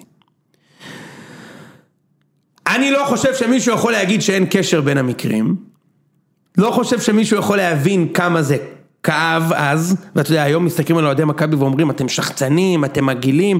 אני, אני אוהד מכבי צעיר, אני בן 33. אני יותר שנים הפסדתי מניצחתי. למעשה מגיל 8 עד 25 רק הפסדתי. דרך אגב, זה נכון לכל אוהד מכבי. אני בן 52 עוד מעט. נכון, היה לך גם את האייטיז. ה-80's זה תקופה, ה-70's לא היו תקופה כזאת טובה, עוד פעם, היה את האליפות, היה את הדאבל, היה את הדאבל ואחרי זה אליפות. ה-70's זה היה עשור של אה, מכבי, זה העלייה לגדולה של מכבי נתניה, תחילת ה-80's, מכבי נתניה, הפועל כפר סבא אחרי זה, ואחרי זה מכבי חיפה נכנסים אה, לעניינים. ה-80's זה אסון, זה, זה אסון שאני לא מסוגל להסביר בכלל, ואסון אה, שלא גרם לי להתרחק מהקבוצה כמו נימני, אבל היו לנו שם בושות עם פרשת הנבחרת הנוער בגרמניה שם, שכל מי שכיכב שם היו שחקני מכבי. זה תקופה שחורה משחור לכל אוהד. להיות אוהד מכבי זה היום מבלבלים את, את הכסף, את השכל עם הכסף של מיץ'. אתם יכולים לחשוב על כסף מה שאתם רוצים, אבל שחר היה לו הרבה כסף, ו... ויש לו עדיין הרבה כסף, ומכבי חיפה זה מועדון מושקע. מאוד מושקע. והפועל באר שבע זה מועדון מושקע, למיץ' לא היה אף פעם את הריק הזה שהיה מסביב כשלש... שלשחר היה, ומה שיש לנו היום זה מועדון. זה לא, לא חושב... העניין של הכסף, אני לא חושב... וזה לא משהו שהיה במכבי לפני זה, להפך, מכבי הייתה סמל לחוסר מקצוענות. מכבי הייתה סמל להמון דברים. לא למכביזם. ובצורה מאוד מובהקת גם. זאת אומרת, אם אתה משווה בין העשורים, העשור האבוד של מכבי חיפה הנוכחי, ובין העשור של מכבי, אתה יודע, במכבי חיפה זה כבר הולך למחוזות המיסטיקה. יש קהל מצוין, יש איצטדיון שאנחנו אישית מאוד אוהבים, יש נוער, יש רכש, יש בעלים, יש מאמנים, ושום דבר לא מצליח. לא יודע למה. אולי כי במקרה מכבי טובים יותר, באר שבע טובים יותר. במכבי זה היה מאוד מאוד ברור, מאוד ברור ומאוד קל, פשוט לחלק מהאוהדים ולאתוס שנבנה סביב נימי, שוב אני אומר, בתמיכה מלאה של כל אוהדי מכבי חיפה והפועל וביתר, הם כולם רצו את נימני במכבי, את, אתם, אתם צריכים להתאפס על עצמכם ולהבין שכשאוהד של חיפה אומר נימני הסמל הכי גדול של מכבי, הוא מטריל אותך, הוא, הוא כאילו אומר את זה אבל הוא מטריל אותך, הוא מטריל אותך, הוא, זה, זה, זה הביזיון הכי גדול, אתה מבין? כאילו, הוא מטריל אותך, הוא חגג על נימני יותר ממה שאתה חגגת בשנים של נימני, אז מה זה הסמל הכי גדול? זה כמו שאני אגיד שנטע לביא זה הסמל הכי גדול של מכבי חיפה, שהוא, אני שמונה שנים רק אנחנו מנצחים אותו, אז קל לי להגיד, אבל האמת, האמת היא שהוא לא. אוקיי? לא שנטע לביא הוא בעיה של מכבי חיפה בשום צורה, אני רק אומר, זאת אומרת, קל לך להגיד על משהו שהוא, אתה יודע, שהוא עוזר לך, שזה זה, זה דווקא טוב לי, כן, זה טוב לי, שהוא הקפטן שלך, שהוא הזה, אני כמובן לא משווה את, ה, את נטע בשום צורה לנימני. אמ, זה הכל, אני חושב שזה המשמעות, אני חושב שהגיל יש לך משהו להוסיף כמובן, אנחנו על סף השעה אגב. אני רק יכול להגיד ש... כל מה שקרה אחרי ה-3-0 הנפלא הזה שהפסדנו בקריית אליעזר, וזו פעם ראשונה ואחרונה בחיים שלי שחגגתי הפסד. לא חגגתי הפסדים שהעלו אותנו, ששינו מקום, היו למכבי הרבה דברים עם כן. כאלה. זה הפעם הראשונה והאחרונה בחיים שלי שחגגתי הפסד. אני קיבלתי חזרה את הקבוצה שלי. יש עוד, יש עוד מה לדבר, סליחה, אנחנו לא מסיים עכשיו. אני קיבלתי חזרה את הקבוצה שלי, ומעולם לא הייתי גאה בקבוצה שלי, כמו שאני גאה במועדון הזה שנוצר בעידן החדש של, של הזכות לחיים ש, שקיבלנו בחזרה. כי, כי מבחינתי, מבחינה ספורטיבית לא חייתי באותם שנים. כן, אני, אני מסכים, ואתה יודע, יש כאלה שראו בזמן אמת שיש בעיה, אבל הם לא צריכים, אה, אני לא צריך להתלהב, אני, כאילו מי שמכיר אותי יודע, אגב, אני אספר לך משהו, נימני אפילו היה ביום הולדת שלי פעם. יחד עם כל השחקנים. איציק זוהר היה ודריקס וזה הם באו ליום הולדת שלי פעם. אני לא גדלתי על נימני אבל אפילו אצלי הוא, אני יכול להגיד שהוא היה לא בבר מצווה אבל ביום הולדת. אז יש אנשים שבזמן אמת הרגישו שיש פה בעיה וכל הכבוד להם. אתה במקרה אחד מהם, אני אחד מהם. אבל זה לא אומר שיש לנו איזשהו יתרון מובנה. מה שמדהים אותי, מה שכל כך כאב לי, באמת רציתי למות. זה גם מביא קרמה לא לנצח את אשדוד באותו יום. עשר שנים עברו, אתם מבוגרים בעשר שנים. עברת את העשור הכי מדהים שאתה עברת כאוהד. עשית הכל בעשור הזה. בעשר שנים קדימה. Do you still don't get it? גיל, אתה עדיין לא מבין מה היה פה? אתה מבין מה המועדון הזה היה יכול לעשות עם כל הכסף שלו ב-17 שנה האבודות האלה? אוקיי, אז היינו מפסידים כמה אליפויות, זה טבעי, גם השנה כנראה נפסיד, זה בסדר גמור, אבל להיות קומפטיטיב, לייצר שחקנים, לייצר מסורת, לייצר רוע, חיובי. עשר שנים אתה מנצח, רק אח... אתה לא, עדיין לא הבנת? אה, כאילו באמת, עדיין לא הבנתם מה היה פה? אבל הם כן הבינו. הם לא הבינו, חמשת אלפים אה, איש, אה, שרו לנמי בטירוף, כי הם עושים... הם. מטרילים, מה? הם עושים את ההפרדה, היום הבון טון הוא שיש הפרדה בין נימני השחקן לנימני העסקן. שאני לא מקבל את ההפרדה הזאת, כי נימני, ברגע שהוא הפך משחקן לעסקן, זה קרה ב-96. וזה הרגע שבו מכבי התפסיק, התחילה לחרחר חרחורי גסיסה. אין, אי אפשר לעשות הבחנה בין נימני השחקן לנימני העסקן. ומי שמספר לעצמו שאפשר, הוא מספר לעצמו, ואני כן מבין למה אוהבים את נימני, אוקיי? כי אם נימני, אם, אם היה חשוב לי הדברים האלה, ומעולם לא היה לי חשוב הדברים האלה, אבל גם אני הייתי מתלהב אם נימני היה בא לבר מצווה שלי, ואם נימני אה, מוכן לעשות הכל בשביל אוהדים, שאני יכול להבין אוהדים שאוהבים את נימני בגלל כל מה שהוא עשה למען האוהדים. והוא עשה הרבה דברים למען אוהדים. אגב, אני חושב, לא יורד חושב שאתה. צודק, ואני חושב שנימני גם צריך לומר, נימני הוא לא איזה ארכי נבל, הוא לא בנה את זה, הוא לא תכנן שזה לא, יקרה. לא, לא. הוא רצה, הוא, הוא, הוא רצה, גם, אגב, איש מאוד נחמד באישית, תדבר איתו פעם, אני מבטיח אני לך שאתה. תחשוב שהוא נחמד מאוד. והוא ביקשו ממנו עזרה והוא נתן. כן. אבל הוא בנה מפלצת, ומתי שהוא... המפלצת של התדמית שלו הייתה חשובה לי יותר מהמועדון שלו וזה מה שכואב לנו מהפוזיציה של אוהדים יכול להיות שאם הייתי אחיו של נימני הייתי יושב פה ואומר מה אתם רוצים? הבן אדם עשה הכל מה לעשות? וזהו אתה יודע כן, כאילו הסיפור זה שאם רק היו שמים, אה, אם היו מביאים את השחקנים הנכונים ליד נימני היו עוד אליפויות, אבל חבר'ה, הייתה סיבה שאי אפשר היה להביא שחקנים נכונים ליד, אבל זה בכלל לא משנה. אני יכול להבין את כל האוהדים שעדיין אוהבים את נימני מסיבות שלא קשורות לכדורגל. כן. אבל אני לא מסוגל להבין, ואני לא מסוגל לקבל אנשים שמוכנים לשים גם היום מישהו מעל המועדון.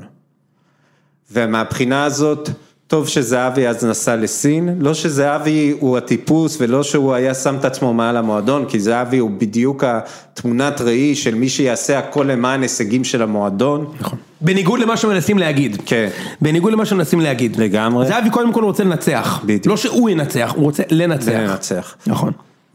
יש לו דברים אחרים שהוא טיפוס חרא בהם, אבל ב- אבל בזה, זה בכלל לא מעניין אותי.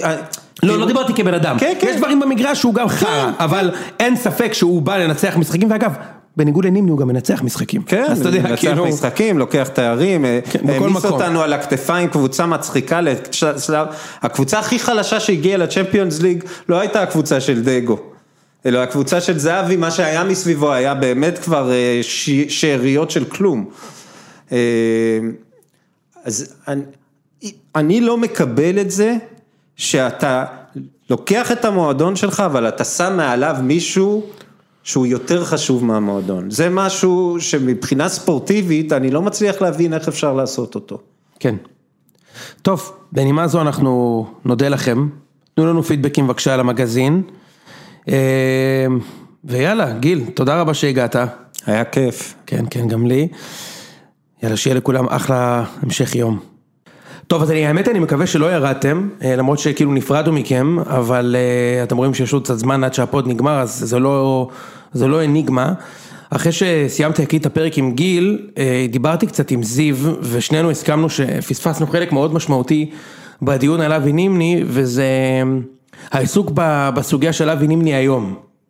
דיברנו המון על נימני ככדורגלן, לאחר מכן כאיש שמושך בחוטים, איש מקצוע, מאמן, מנג'ר, אבל לא דיברנו על נימני של החמש שנים האחרונות. אה, ולצורך אה, הדיון הזה, הזמנתי את, אה, את האיש המקצוע שלנו, אנליסט, סקאוט, שחוזר אלינו אחרי תקופת, לא רוצה לקרוא לזה, להגדיר את זה איך שאתה רוצה, התאבלות. כן, אפשר לקרוא לזה הצטננות כדי שזה יישמע טוב, כמו עם קבוצות. יפה מאוד, תקופת צינון, אה, זיו חזר אלינו כדי לדבר במיוחד על הסוגיה הזו, גם אז בין היתר חלק מהמקצוע של זיו, ואני חושב שיש יכול להיות פה אינפוט פה נחמד, וגם לי, אז, אה, אז בוא נתחיל זיו, למה, למה אתה חושב שחשוב לדבר, לדבר על נימני בקונטקסט הזה?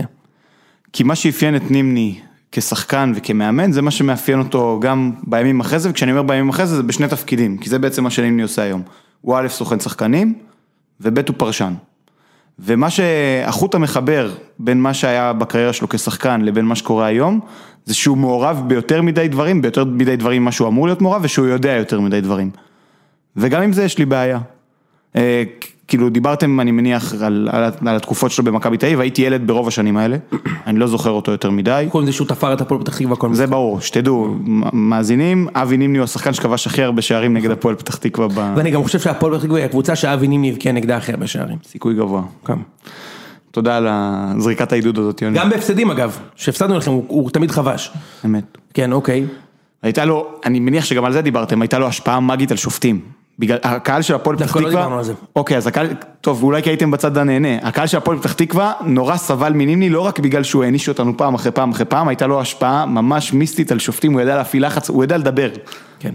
אז למעשה, בוא, בוא, בוא אני אחבר אותנו לנקודה, אוקיי? אבי נימני פרש מכדורגל ונהיה אה, מנג'ר של מכבי, וסוג של סוכן שחקנים על הדרך, כלומר לצורך העניין, אה, כשנימני סיים את דרכו במכבי, בצורה רשמית כחלק מעובדי המועדון על הפיירול, אז אלירן עטר היה שחקן שלו, וגל אלברמן היה שחקן שלו, ומונס דאבור היה שחקן שלו, וכולם היו שחקנים במכבי תל אביב, סוג של בתקופת הדאבור היה עוד בנוער, כשנימני הגיע, אני חושב שנימני אפילו הביא אותו לנוער, לא לפני שהוא לקח אותו תחת חסותו עם סעיף שחרור כזה, ואז נימני החליט לפרוש מקריירה מקצועית, ולעבור לצד אה, שהוא באמת תכלס הכי כנראה טוב בו, שזה אנשים, אה, ולהיות סוכן.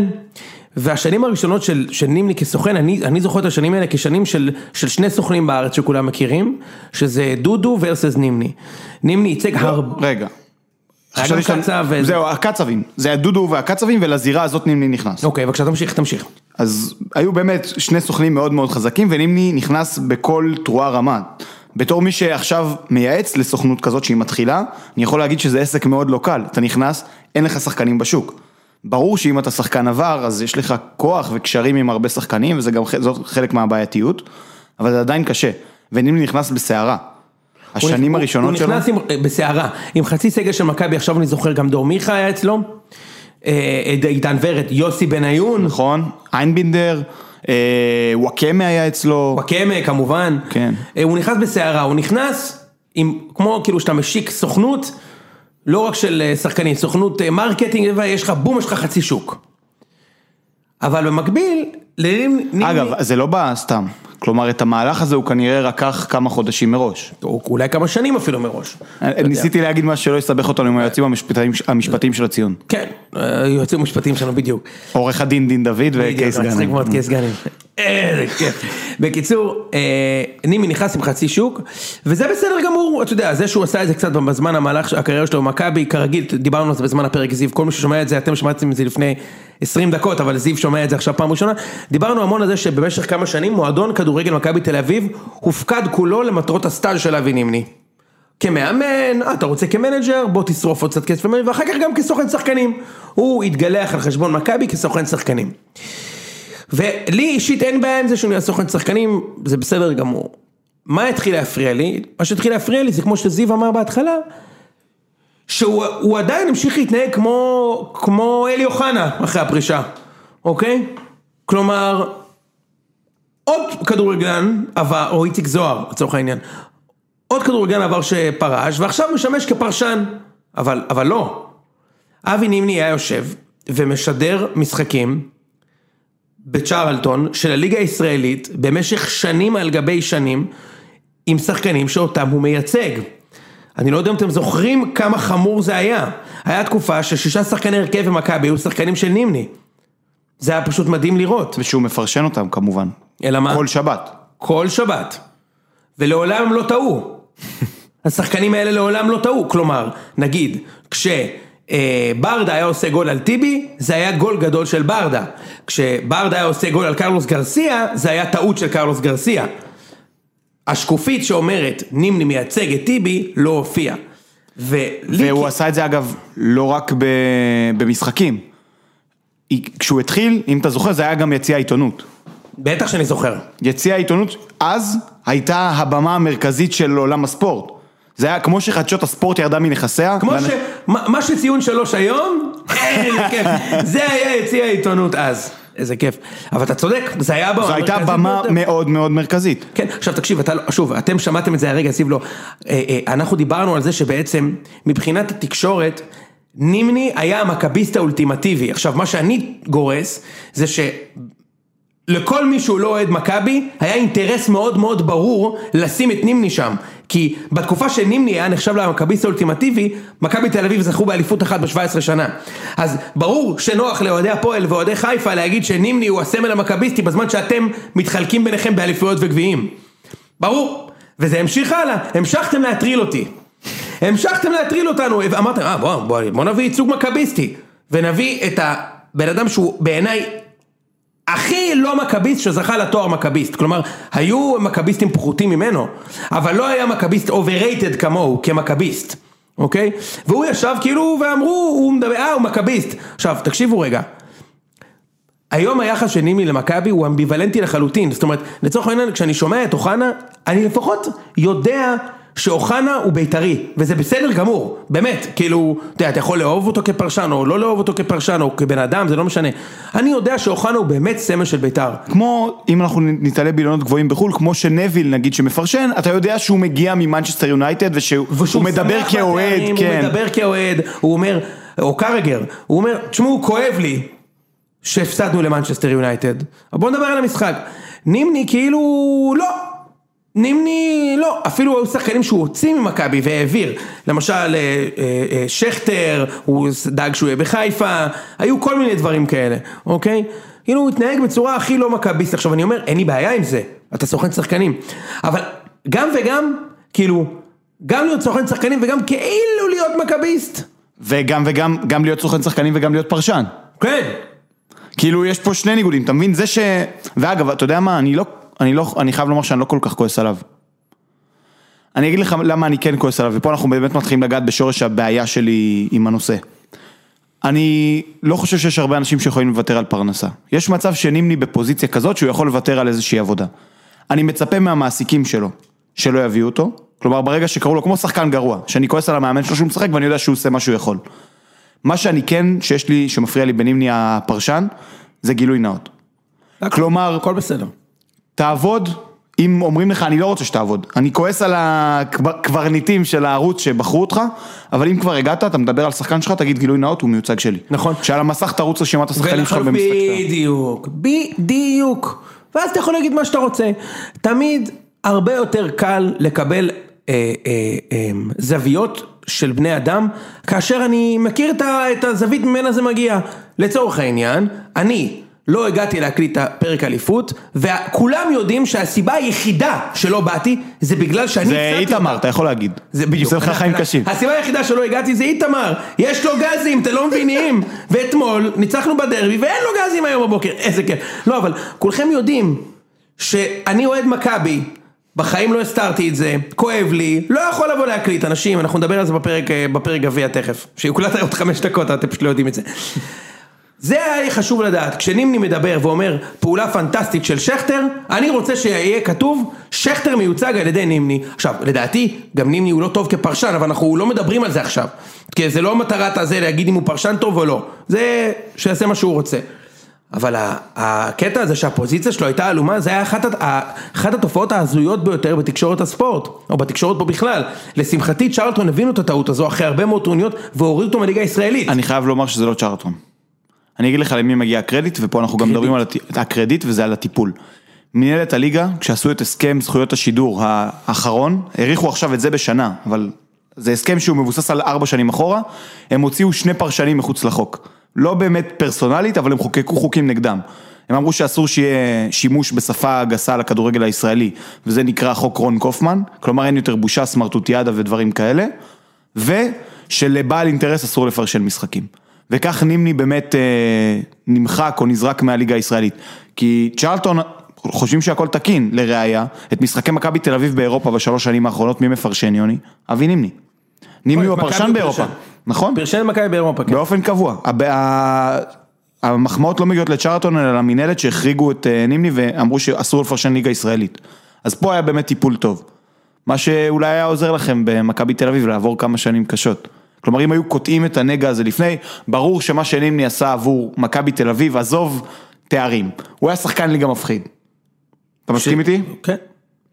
אז כאילו, אתה מבין, יותר, יש אתה יותר מושקע בו כדי לזרוק אותו מהר. אותה סיטואציה אגב אנחנו רואים עם אוחנה בביתר. אוחנה הוא עצם בגרון של ביתר כבר כמה שנים, לטובה, לרעה, הרבה אוהדים אומרים שהוא לא יודעים מה הוא עושה, הוא בכל מקרה לוקח הרבה מאוד כסף. לפחות אוחנה אף פעם לא היה גדול יותר מהמועדון. תקשיב, זה בכלל לא, עזוב, אחי, מי שבכלל משווה את אוחנה לנימני ברמת סמליות, ויתורים, זה בכלל, בעיניי, מצד המועדון, אוחנה ויתר על הרבה יותר מנימני בשביל ביתר. ברור, מכל בחינה שהיא, אוחנה הוא סמל יותר גדול מנימני. אין ספק. מכל בחינה שהיא.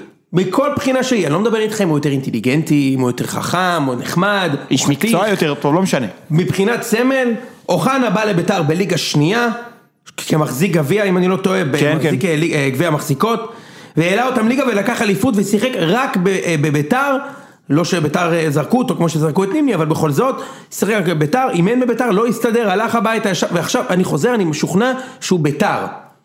נימני?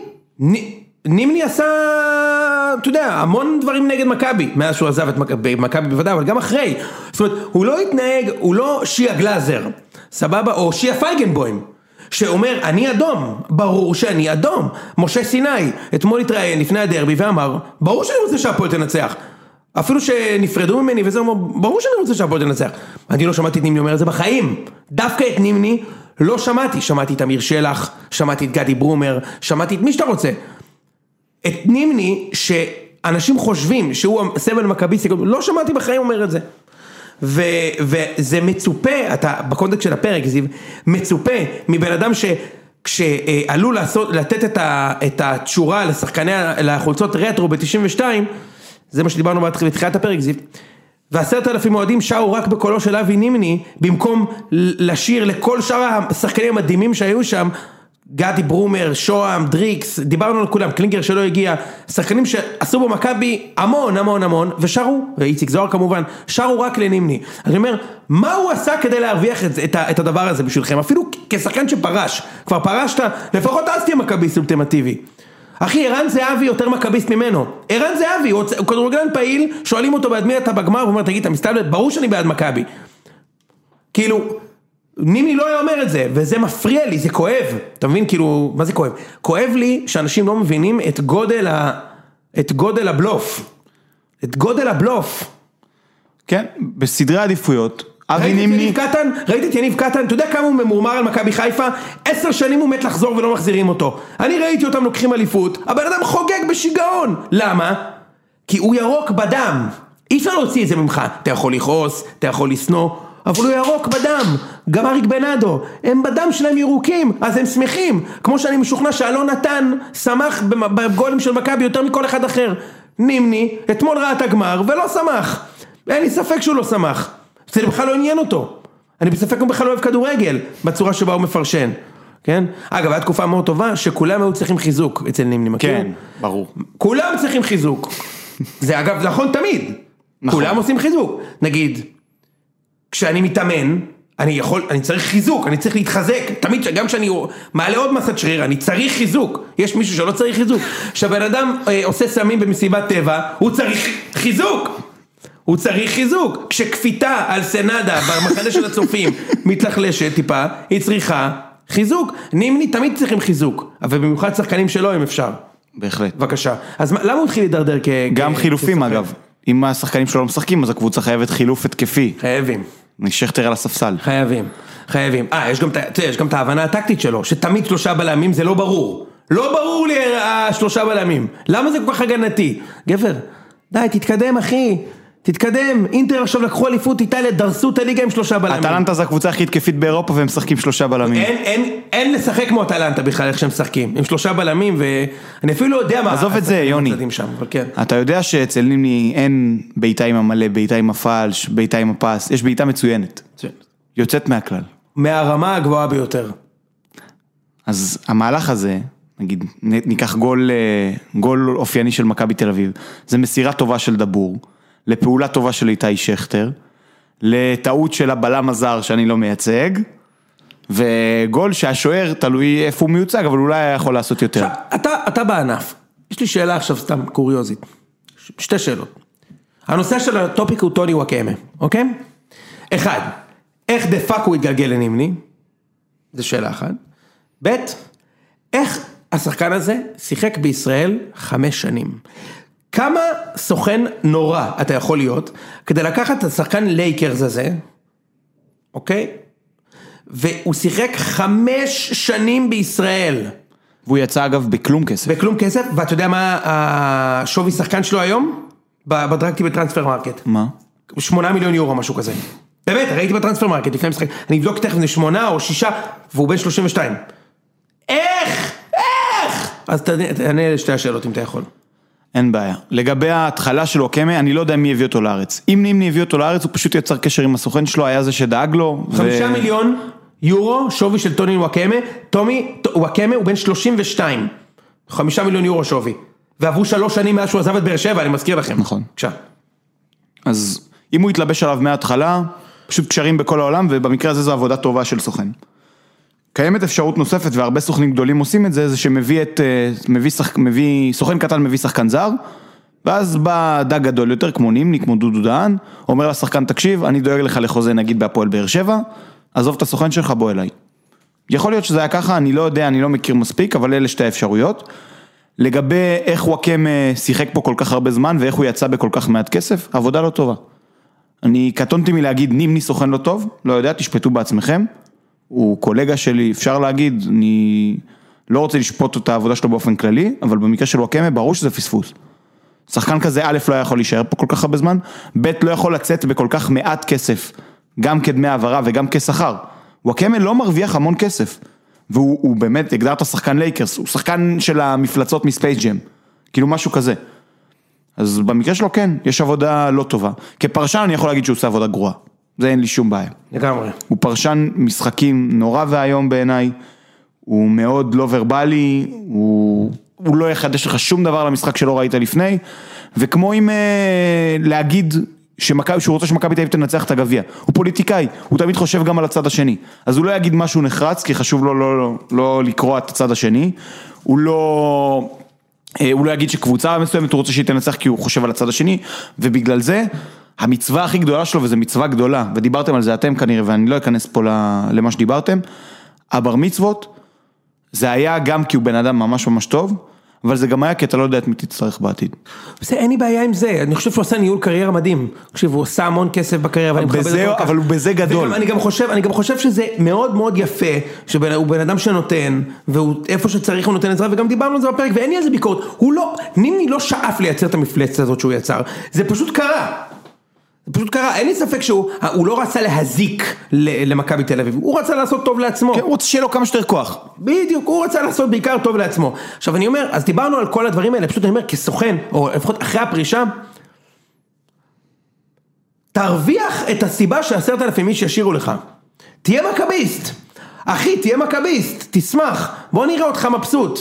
אתמול הוא העניק את הגביע בסוף הטקס, אתה יודע שהוא היה מעניק את הגביע לאוהדי הפועל, אה, לשחקני הפועל, אם, אם אה, לא, אה, או יונתן כהן פוגע לו הכדור בתחת, הפועל מניף היום גביע, ונימני מעניק להם את הגביע. תשמע, אני, אני, לא נימני, אני לא גדלתי במכבי, אני בחיים, בחיים לא מעניק גביע להפועל, ואין מצב, לא הייתי בורח מהטקס, אין מצב. עכשיו יכול להיות שאני חלש אופי, אני בתור מכביסט, אין מצב בחיים שאני עומד ומעניק את הפרס ליריבה הכי פחות אהובה עליי בעולם, לא יכול לראות את זה, וגם אתמול, כאילו העניק את הגביע, כאילו, והוא כאילו חלק מזה, הוא היה על הבמה וכאילו בתור מכביסט, אין עוד מכביסטים. מה, אתם נורמלים? תבחרו מכביסט אחר, למזלי, אחרי שהדור הזה הנוכחי ייצר משהו שישים את נימני רחוק רחוק מאחורה, אוקיי? אני מאוד מקווה אם לפחות. זה ייני, אם זה גלאזר, אם זה... כן, אם זה ייני, אם זה גלאזר, אם... אפילו זהבי, אבל... תקשיב, זהבי, הוא לא גדל במכבי, הוא גדל בהפועל, והוא עשה קריירה ענקית גם בהפועל, אבל זהבי הביא איתו מעבר למניאקיות של המכביסט, של המכביזם, כאילו של האתוס, שחקנים לידו הצליחו, הקבוצה זכתה בתארים, שמע. והוא נשאר אוהד של מכבי אחרי שהוא סיים. זה הכל, וזה מה שחשוב לי. אחי, באמת. זהבי, אגב, בניגוד, בניון- אבל זהבי בניגוד להרבה סמלים אחרים, שהם מכורח הוותק שלהם נהיו סמלים, כלומר בדרך כלל סמל זה שחקן שנשאר הרבה זמן, נכון. זהבי הוא, הוא, הוא הפך לסמל מכורח. התוצאות, נכון, בגלל ההצלחה. גם האישיות שלו, זה שהקבוצה מאוד מאוד הצליחה, אפשר לשייך את זה לזהבי, אפשר לשייך את זה לזה שהוא היה בתקופה מאוד טובה, היא הצליחה גם הוא היה בלעדיו, פרצוף של המועדון במשך אה, שלוש וחצי שנים. והוא היה וואחד פרצוף, כאילו פרצוף יפה, כן, זאת אומרת הרבה גולים מאוד משמעותיים, הרבה, צ'מפיון זה, כן.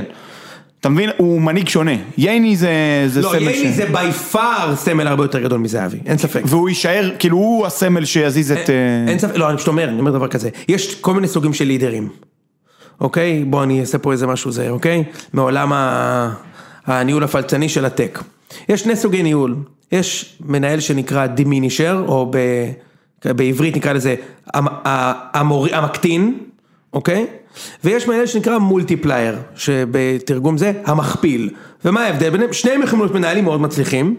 עד גבול מסוים, ה diminisher זה, זה הדיקטטור, כלומר, זה, בוא ניקח את זה לעולם הניהול, כשאתה יוצא איתו מפגישה אתה אומר וואו יש לי מנהל מעולה. וואי יש לי מנהל מעולה, למדתי משהו מהמנהל, וה multiplier, המכפיל, זה דבר אחר, אתה יוצא מפגישה איתו ואתה אומר וואו, אני כל כך טוב, אני טוב, אני חכם, אני, אני יכול לפתור את הבעיה. בחברה שאני עובד בה ספציפית, יש רק מנהלים שהם מולטיפליירים, זאת אומרת דמינישרים לא יכולים להישאר, זה לא, לא קורה, אבל בספורט יש כל מיני סוגים של מנהיגים וכולנו יודעים, אז נימני הוא הקלאסי דמינישר, הוא לא הבן אדם, הוא- וייני הוא קלאסי המולטיפלייר, כי הוא לא הבן אדם הכי חכם בחדר, בכדורגל זה... הכי טוב, הנוצץ. טוב. אבל כולם לידו אוהבים אותו, כולם לידו מרגישים טוב. אז, וזהבי הוא גם יותר diminisher מ multiplier, זהבי הוא גם, אתה יודע, נכון. אני, אני לוקח את זה עליי, diminisher זה לא רק, זה לא בן אדם רע, זה, זה עליי, אל תדאג, אני אעשה את העבודה. כן, תן לי את הכדור. הדרבי שלו, השלוש-שתיים, תן לי את הכדור. לי, אני אעשה את זה, אני אעשה את העבודה. אז זה לא תמיד רע להיות diminisher, פשוט, זה אומר ש... שאנשים לידך אומרים וואי הוא טוב, כן. במקום וואי אני טוב. אז, אז אני אומר, גם אם אתה diminisher כמו זהבי, לפחות, שאתה, לפחות תצליח, במינימום, המינימום שלך זה שתצליח, אוקיי? שתביא תארים, דרבים. אם לא אומרים הבוס שלי טוב, אז מה היתרון גם של לא- הדיב... בדיוק, ויפה, זה הכל, ואחרי זה, תמשיך, תהיה מכביסט, זה הכל. מה עוד על נימני הסוכן או שסיימנו? נראה לי. שזהו. זהו, אז זה היה הפרק, אה, וזהו, שיהיה לכולם אחלה של, אה, של whatever, סוף שבוע, מתי שתאזינו לזה. אה, הזדמנות טובה לספר על סקר סיום העונה שלנו שיעלה, אנחנו נדבר על זה יותר בפרק סיכום גמר גביע, אבל יש אה, סקר מקיף, הוא מפתיע, אז יאללה, ניפגש בשמחות זיו, תודה רבה שבאת, נאחל לך אה, המשך התאוששות. אה, בריאות נורמלית. נפשית איתנה. בריאות נפשית איתנה לכולם, ויאללה, תודה רבה.